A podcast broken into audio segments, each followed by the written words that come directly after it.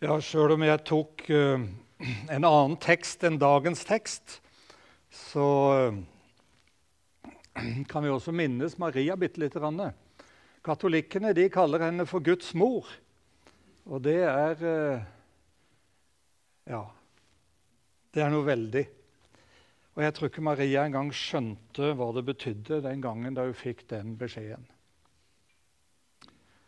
Hun som vi skal snakke om i dag, kan vel ikke akkurat kalle seg Guds mor, men uh, hun er likevel ei av de viktige i, uh, i misjonshistorien og kirkens historie. Lydia i Filippi. Og Vi skal ta litt skal vi se om vi får noe på veggen her bak dere. Gjør dere det nå? Ikke ennå? Skal vi se om teknikken kan få til. For jeg har et kart som vi må kikke litt på først, som en liten innledning, en bakgrunn, for å forstå litt av det som eh, skjer her nå i dag. Nå, teknikken, vet du, det er noen fine saker. Jeg får begynne å prate litt. Så ser vi, Der fikk vi bildet. Paulus han er på sin andre misjonsreise. Og Vi leser om det i eh, apostelgjerningene kapittel 16. I begynnelsen av kapittelet så hadde Paulus havna i en havneby eh, som heter Troas, og han skjønte sikkert ikke hvorfor han var der, for det var ikke det som var planen hans. Men mens han var der, så fikk han et kall ifra en ifra Makedonia, står det, som sa 'Kom over til Makedonia og hjelp oss'. Og Hvis dere nå ser på kartet oppe til høyre på den røde sida, klarer noen av dere å lese at det står Troas der med kysten? helt med der, og så ble de kalt fra Makedonia, som er den øvre delen, oppe med den der streken, som er misjonsreisa. Og hvis dere klarer veldig kort å studere det første de kom inn til der, nesten i alle fall, det er en by som heter Filippi. Vi er nå oppe i det gule området, helt oppe på toppen på det kartet som dere ser. Og den eh, misjonsreisende Paulus der er det Filippi, og så kommer han til Tessalonika, som dere finner litt lenger til venstre, og Berøa. Og nede i det grønne området nede der så ligger Aten og Korint. Og Nå vil jeg bedre prøve å huske dette kartet her, hvis det er mulig. Jeg kommer til å komme tilbake til det opptil flere ganger. Og det var, Han var ikke alene heller da han kom til Filippi. Han hadde med seg tre karer. Han hadde med seg Silas, som hadde vært med helt fra starten på den andre misjonsreisen. Og så hadde han med seg Timotius, som han hadde fått med seg da han var et lite stykke lengre til høyre enn det dere ser. Og når han kom til troa, så fikk han med seg Lukas også. Og Det er Lukas som forteller dette. Det er Lukas som skriver at vi dro over, for vi hadde skjønt at Gud hadde kalt oss. Så det er fire mannfolk som kommer til Filippi.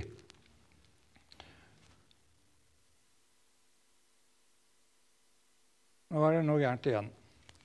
Skal vi se, Må jeg begynne på nytt igjen her nå, eller? Jeg går ut, er det greit, det? Prøver å se om jeg får det noe bedre hvis jeg prøver på nytt igjen.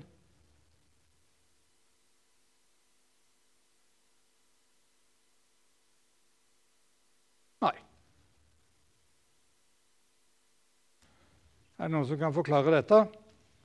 Ingen? Mm.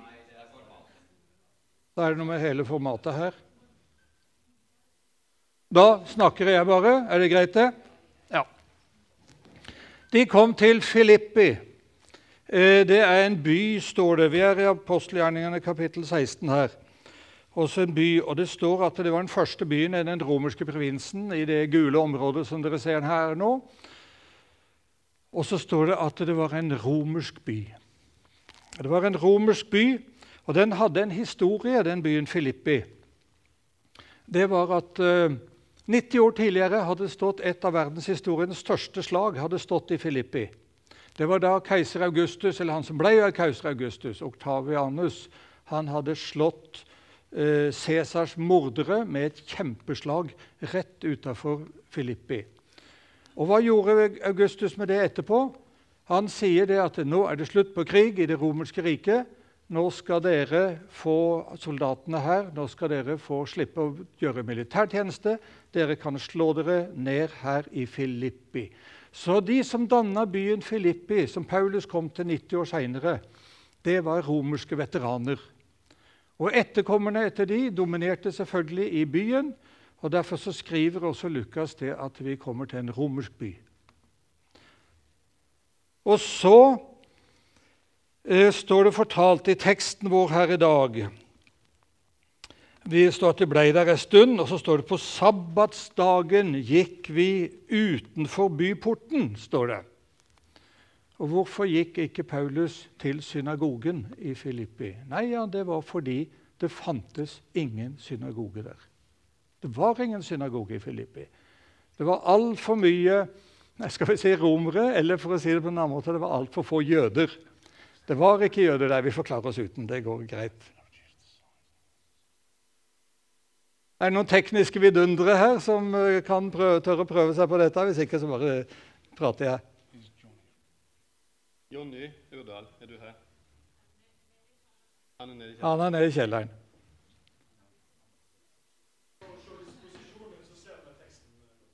Mm.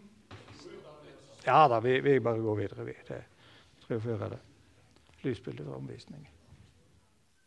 Der, ja.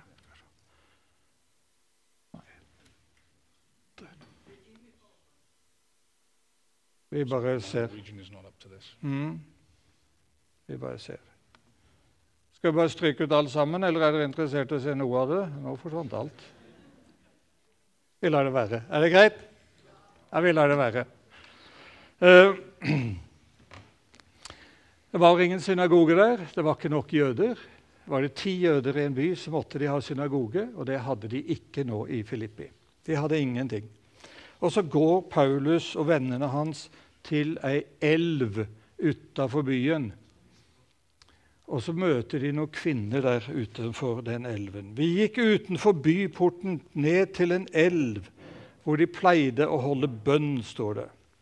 Og så satte vi oss ned og talte til kvinnene som var kommet sammen. Det er den, ja.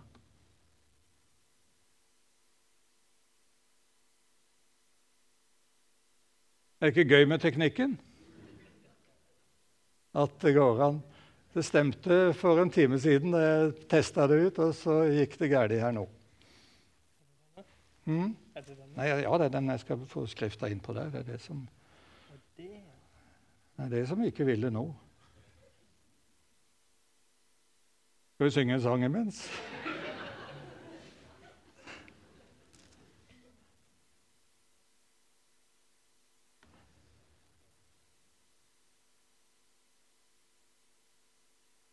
den som sto på i stad.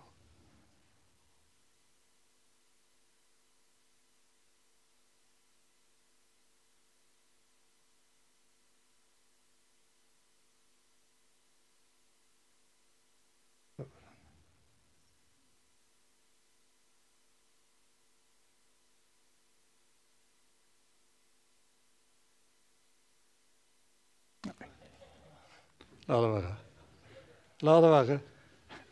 Ja, er bare kartet stå. Er det greit, det? Da lar vi kartet stå, så får vi se. Har dere mista helt tråden nå? Ikke det? Gratulerer. Fint. Kanskje jeg har gjort det. Eh, så gikk de ut til ei elv der, og så møtte de noen, en liten bekk. Og så møtte de noen kvinner, og så begynte de å prate med de damene som var der med elva. Og Det står det at ei av dem, en av de, var en kvinne ved navn Lydia, står det. En purpurkremmerske fra Tyatira. Og så står det om henne hun dyrket Gud etter jødenes tro, står det. Ty, uh, Lydia kom fra det som er dagens Tyrkia, på kartet deres nå på den røde sida. Hun kom, hadde flytta til eh, Filippi og begynte å drive handel der. Og så selger hun purpur. Og Det kan tyde på at det kanskje var ei rik dame.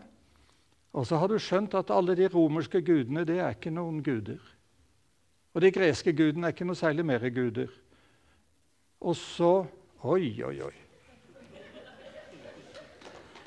Nå klapper vi. Kom igjen. Nei. Ja, dere har det, men jeg har det ikke. Men det betyr ingenting.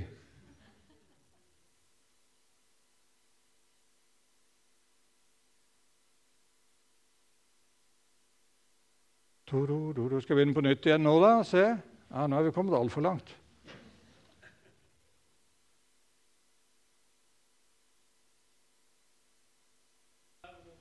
Jeg må fortelle mer. Jeg forteller.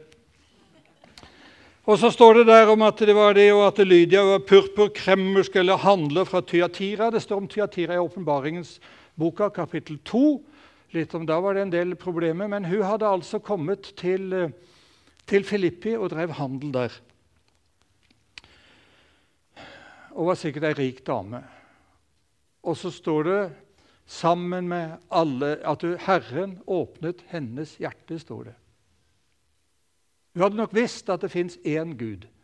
Kjente ikke så mye til ham, men hun skjønte at jødene de er inne på noe. De dyrker én Gud. Og Så kommer Paulus og så forkynner han evangeliet for disse damene. Og så er det ei av de i alle fall som ser plutselig hvem Jesus er. At han er den som er lovt i Det gamle testamentet. Han er Messias. Så er sikkert Paulus forkynt om Jesu død, Jesu oppstandelse. Og så åpner alt seg for Lydia. Alt åpner seg for henne, og så tar hun imot evangeliet. Og Hva er det noe av det første hun vil gjøre? Hun spør om hun kan bli døpt. Og så blir hun døpt, ikke bare hun, men med hele sitt hus. Og Så kommer hun til dem, og så sier hun det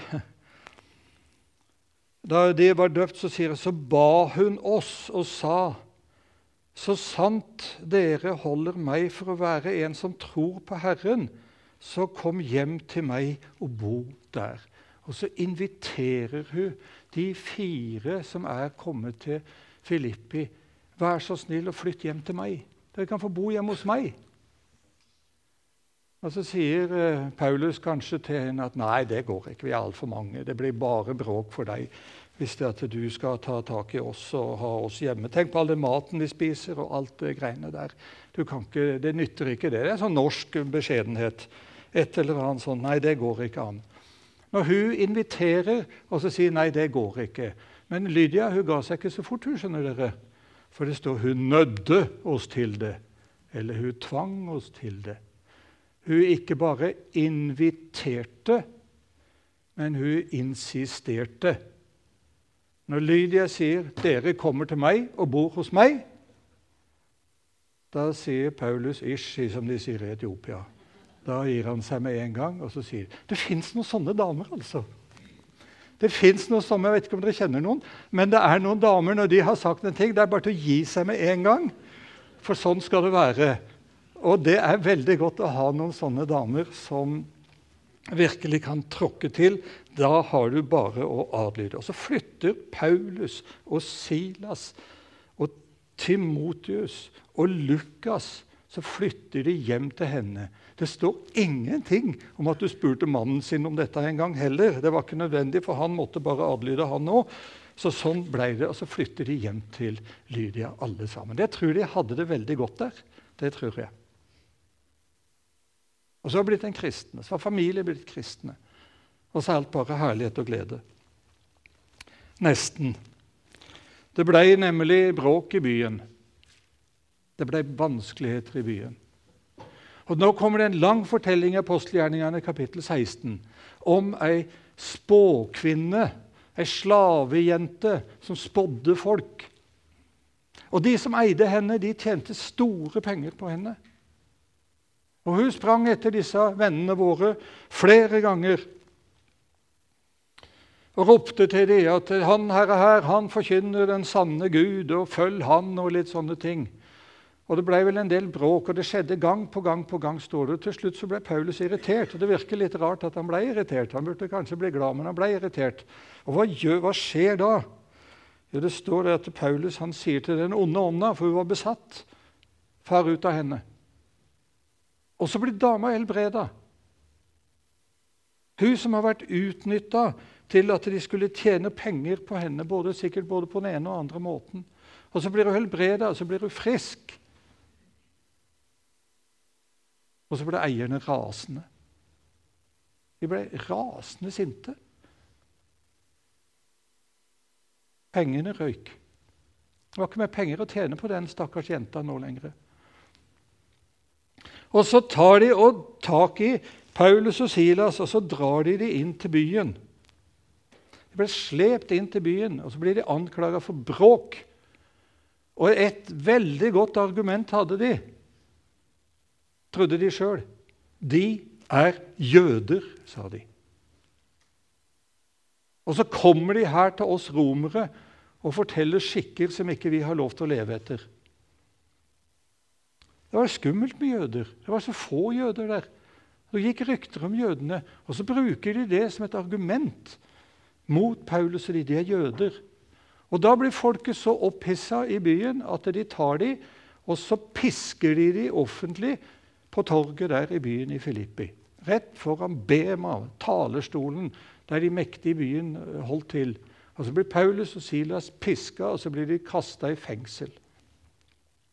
Så regner jeg med dere husker alle sammen den fortellingen, eh, det som skjedde den eh, gangen der. Der de sitter med ødelagt rygg inne i fengselet, begge to.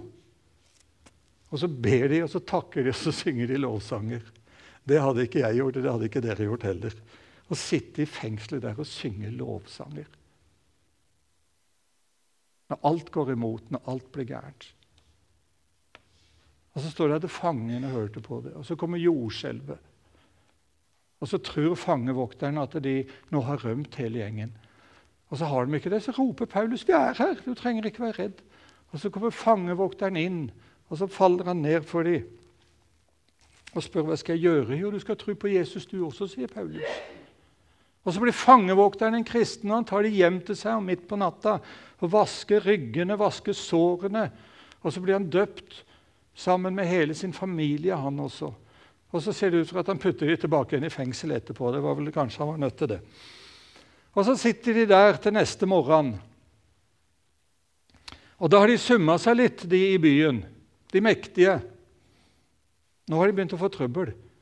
De har eh, gjort noe galt. De har gjort noe mot folk uten å dømme dem etter loven, den romerske loven. Og så sender de bud til fengselet om at eh, si til de der fangene at de kan få lov til å reise. Kan, vi, vi, glemmer den saken der. Så bare eh, be de, nå kan de få lov å reise. Og Så kommer han der fengselsbetjenten da, eller han kommer til fengselet og så gir han denne beskjeden til Paulus at uh, myndighetene i byen sier at dere er fri, dere kan reise. Jeg skulle ønske jeg hadde vært der og sett den situasjonen. For da sier Paulus nei takk, sier han. Det gjør vi ikke. De har piska romerske borgere. Silas og jeg vi er romerske borgere. De har piska romerske borgere uten lov og dom.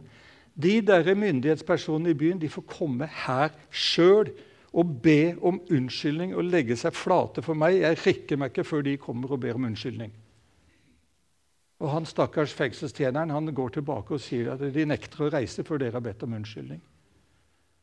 Og så må byens ledere gå til fengselet og bøye seg for Paulus og si det at eh, vi beklager. Vi visste ikke at dere var romerske borgere. Vi hadde ikke undersøkt det heller. Vi skulle aldri gjort det. Kan dere være så snille å ikke anklage oss overfor høyere myndigheter? Kan dere være så snille å reise fra byen vår? Ja, sier Paulus, vi får vel det, da. Men ikke ennå. Og så holder han de liksom Og så Hvor gikk de hen? Hvor gikk de hen når de ble løslatt? Jeg skal lese hvor de gikk. De førte dem ut, står det, og ba dem å dra bort fra byen. Det er helt på slutten i kapittel 16. Men etter at de var kommet ut fra fengselet, gikk de hjem til Lydia. Dit gikk de. Og de romerske lederne torde ikke å nekte de heller. De gikk hjem til Lydia. Og her traff de brødrene, og sikkert søstrene òg. Og de formante og trøstet dem. Paulus går til Lydias hus, og hvem var samla der? Der var de kristne samla. De kristne var samla der, og de hadde sikkert hatt bønnemøte. Og så kommer Paulus og Silas med vonde rygger, og Lukas og Timotus er sikkert med også. Og så trøster de de som sitter der i huset, de kristne som er samla. Og så forkynner de evangeliet for de helt sikkert, og så blir det et veldig fint og godt møte.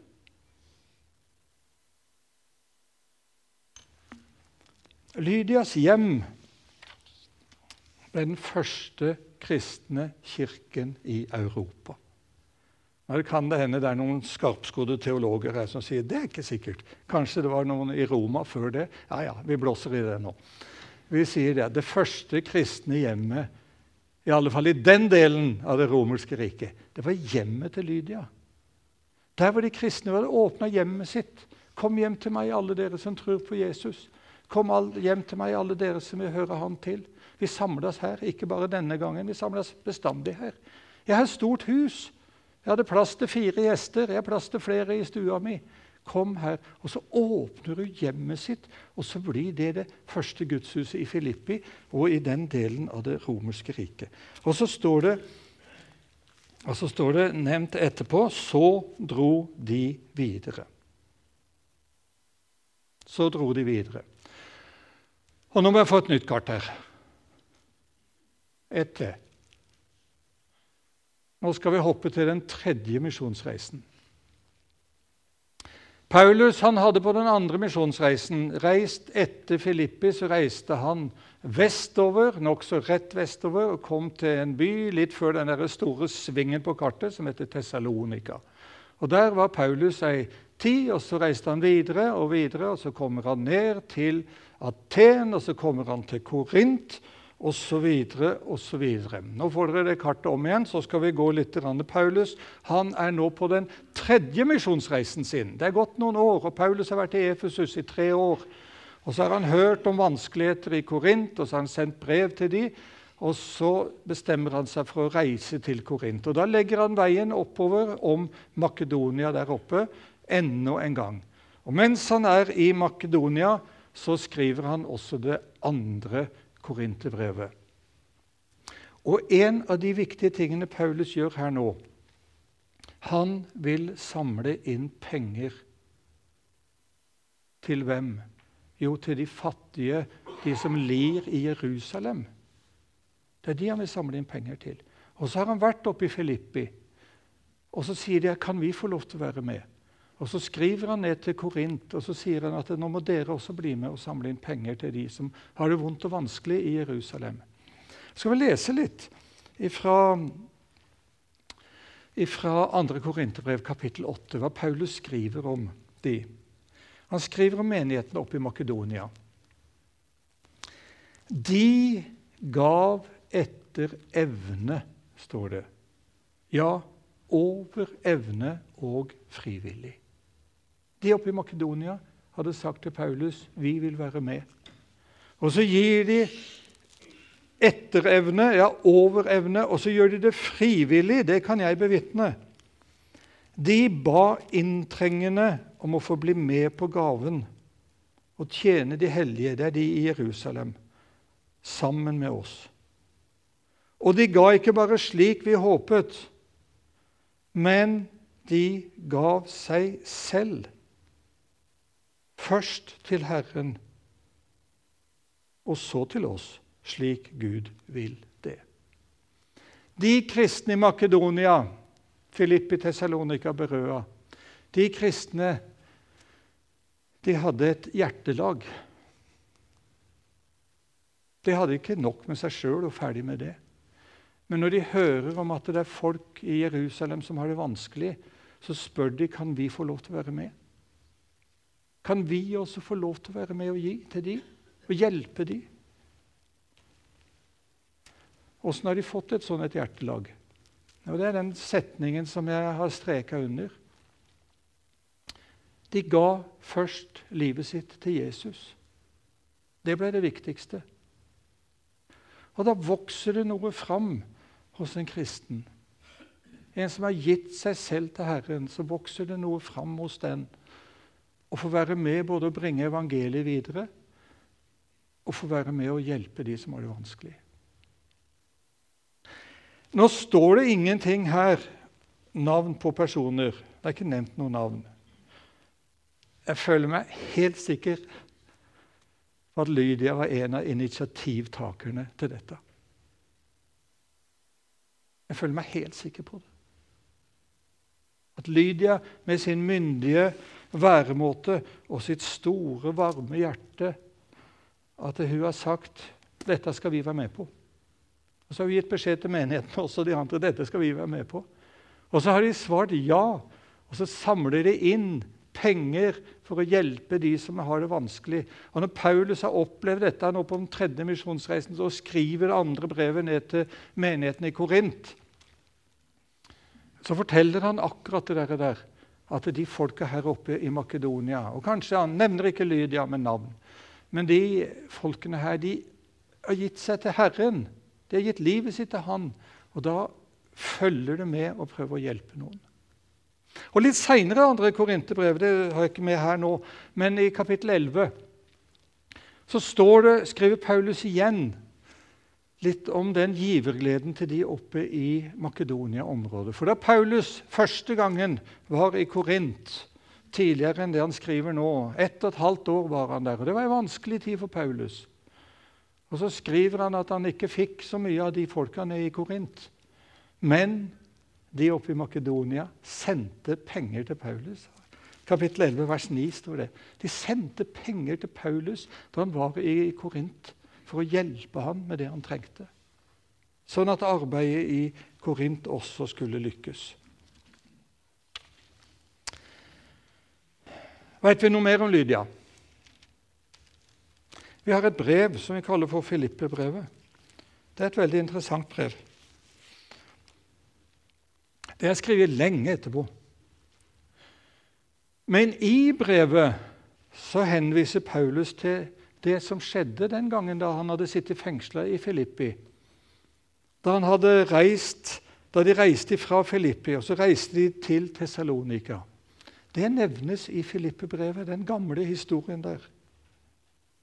Og Når Paulus mange år seinere sitter som fange, husarrest i Roma, og skriver brevet til menigheten i Filippi, så tar han opp den saken, og han tar opp en sak til.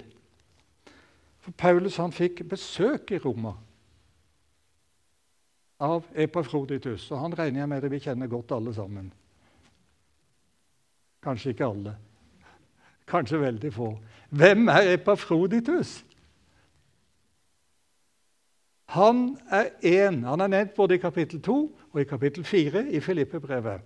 Når dere og jeg leser Filippe-brevet, så leser vi gjerne rett over han og ferdig med han. Men han er viktig, han. Epafroditus er sendt fra Filippi til Roma for å besøke Paulus. Og Mens han er i Roma, så blir Epafroditus sjuk.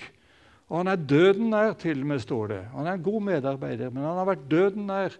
Og De i Filippi har tydeligvis hørt om dette, og så er de bekymra.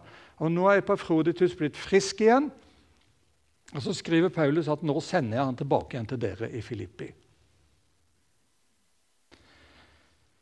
Og I dette brevet til filipperne nå, som Epafroditus skal ha med seg, så forteller Paulus nå er kapittel 4, i vers 15 og litt utover.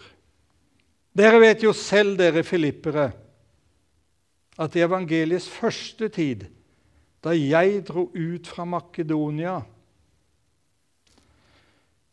Der oppe var det ingen annen menighet enn dere som hadde slik samfunn med meg at det ble ført regnskap over gitt og mottatt.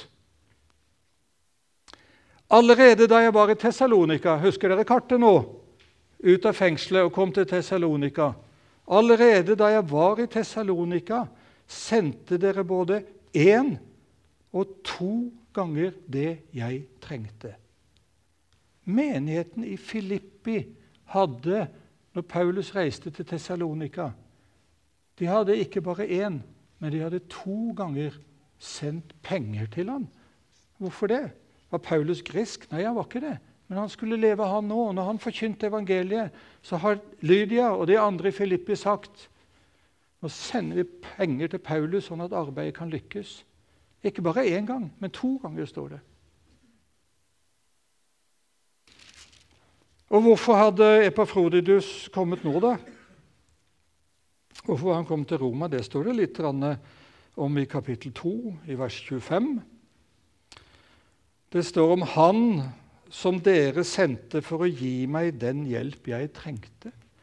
Jommen så har de ennå en gang sendt penger fra Filippi til Roma. Hvorfor det? Paulus sitter i husarrest. Og Lydia har gått og tenkt kanskje han ikke har nok. Kanskje arbeidet stopper opp. Han sendte folk her og der og alle overalt mens han var i Roma. Nå vi hjelpe Paulus, så han kan fortsette arbeidet sitt. Og Så sender de penger enda en gang, og de sender Epafroditus helt fra Filippi til Roma. Det var langt i den tida. Med en pengegave. Og skal vi lese litt hva Paulus er i kapittel 4 i Filippe-brevet.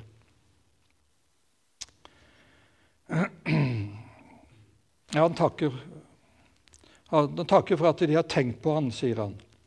Men så sier han at det er ikke fordi jeg har mangla noe, for jeg har lært å nøye meg med det jeg har. Jeg vet hva det vil si å leve i trange kår, og jeg vet også hva det vil si å ha overflod. I alt og i alle ting er jeg innviet, både å være mett og sulten, både å ha overflod og lide nød. Og så kommer et kjerneord. Alt makter jeg i Ham som gjør meg sterk. Like fullt gjorde dere vel i å stå sammen med meg i min trengsel. Og Så nevner han det med at de ga penger til han i, Filipp, i Tessalonika den gangen. Og Så hopper vi ned til vers eh, den gaven som han har fått nå. Ikke så at jeg trakter etter gaven, men det jeg trakter etter, er frukten av den, som rikelig skal komme dere til gode men nå har jeg mottatt alt og har overflod, sier han. Og jeg har fulgt opp etter at jeg har fått gaven dere sendte med Epafroditus. Filippe-brevet Nå vil teologene kanskje være uenige med meg igjen. Men Filippe-brevet er egentlig en kvittering som Paulus skriver over mottatt gave. Han skriver tilbake 'Jeg har mottatt, og jeg har alt jeg trenger'. Jeg har mer enn nok. Takk skal dere ha. Og så sier han det er ikke gaven som er det viktige for meg. Han hadde nok. Det er ikke gaven. Hva er det som er viktig for han? Det er å tenke på de med det hjertelaget der oppe i Filippi. Tenke på Lydia, som brukte kanskje sin rikdom, men likevel brukte sin rikdom og tenkte på Paulus hele tida. Har han det han trenger nå? Kan jeg få mine venner her i Filippi med, og så sørger vi for at arbeidet ikke stopper opp? Og så sender de gave både hit og dit og andre steder, og om igjen og om igjen, og mange år seinere. Jeg kan ikke få det der noe eget med Lydia. En fantastisk dame. Og dere som har vært i Filippi, jeg kan hende det er noen av dere, like ved elven der nede så er det bygd et lite kapell som kalles for Lydias dåpskapell. Og står der i det dåpskapellet like ved den lille bekken, den elva, og leser litt og minnes henne som ga, åpna hjertet sitt for Herren og tok imot evangeliet. Og så ga hun seg sjøl til Herren. Og så ble det til velsignelse for så veldig, veldig, veldig mange andre. Både gjennom de pengene som ble samla inn, men hele hennes vesen. Jeg har satt en overskrift nå på neste bilde at uh, hun, Lydia er ei fantastisk misjonskvinne. Det er det hun er. Hun er ei misjonskvinne av beste sort. og Der har dere bilde av henne. Der hun holder på med purpurtøyene sine. Akkurat sånn hun så ut. Akkurat sånn så ut. Kan bare feste det på netthinna. Der har dere henne. Det er jo ikke herlig, da? Jo. Sånn så ut. Og så holder hun på i butikken sin. Og så bobler det en sånn barne, bob, bob, bobler inni meg. er det ikke en sang som er omtrent sånn? Og så bobler det inni inn henne. Hjertet hører til hos Gud, og hjertet hennes hører til i misjonen. Og så klarer hun ikke å vite hva godt hun skal gjøre, men hun gjør det. og Det, ja. Det var det første hun tok imot evangeliet. Og hva gjør hun det neste? Så åpner hun hjemmet sitt for de som kom for å forkynne evangeliet. Kom til meg, sier hun. Nei, vi kan jo ikke det, sier vi altfor mange. Kom igjen, sier hun. Her er det plass. Det er ikke sikkert det er ryddig i stua, det gjør ingenting, sier hun. Kom likevel. Ja. Og så åpna hun hjemmet sitt for de kristne i området. Første menigheten samles der, hjemme hos henne. Kom til meg, sier hun. Alle sammen. Rik og fattig, hvem som helst. Jeg har hus. Vi samles hjemme hos meg for å høre Guds ord. Og så tar vi neste også. Og så sender hun penger for å underholde misjonærene. Ikke bare én gang. Hun gjør det gang på gang på gang. Både når de er i Tessalonika og hadde vanskelig der. Ikke en, bare én, men to, skriver Paulus. Ganger fikk jeg fra dere. Da han var i Korint og hadde det vanskelig, så sendte de penger dit. Når, i, når, de har den store innsamlingen til de fattige i Jerusalem, så sier hun det skal vi være med på. sier hun, For evangeliet kom derfra, nå må vi hjelpe de som har det vanskelig. Hva er Lydia for noe? Lydia er ei fantastisk misjonskvinne. Og så sender hun penger til han som sitter i fangenskap i Roma. Kanskje han har for lite, han også. Nei, han hadde ikke det. Men han takker for gaven. Og velsignelsen ligger ikke i pengene, men velsignelsen kommer tilbake igjen til Ser ikke hvor glad hun er. Hun har fått velsignelsen tilbake av å få lov til å være med i misjonsarbeidet og drive Guds rikes arbeid. Jeg skriver på lappen min her. Uten kvinnene stopper Guds rike, har jeg skrevet. Ikke sikkert det er helt sant, men uten kvinnene stopper iallfall misjonsarbeidet. Det er iallfall helt sant. Og så har jeg lyst til dere damer her. Det fins noen kvinner, kanskje også i Kristiansand, som passer inn i det der. Og det er en så viktig oppgave. Ser dere julemessa liksom i bakgrunnen her nå? eller et eller annet sånt nå? Hva som helst. Uten sånne som Lydia fra den første kristne tid, og uten lydier i dag, lydiaer i dag, så hadde det stoppa opp det meste. Og så sitter det mange lydiaer her i Misjonshuset i dag, og Gud velsigne dere.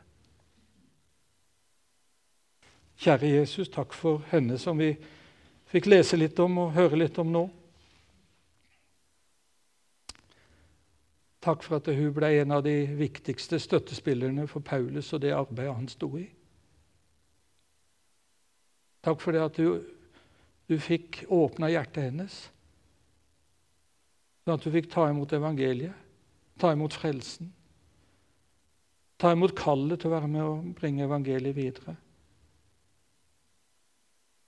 Så ber jeg om at du må gi oss litt av det sinnelaget, enten du er menn eller damer.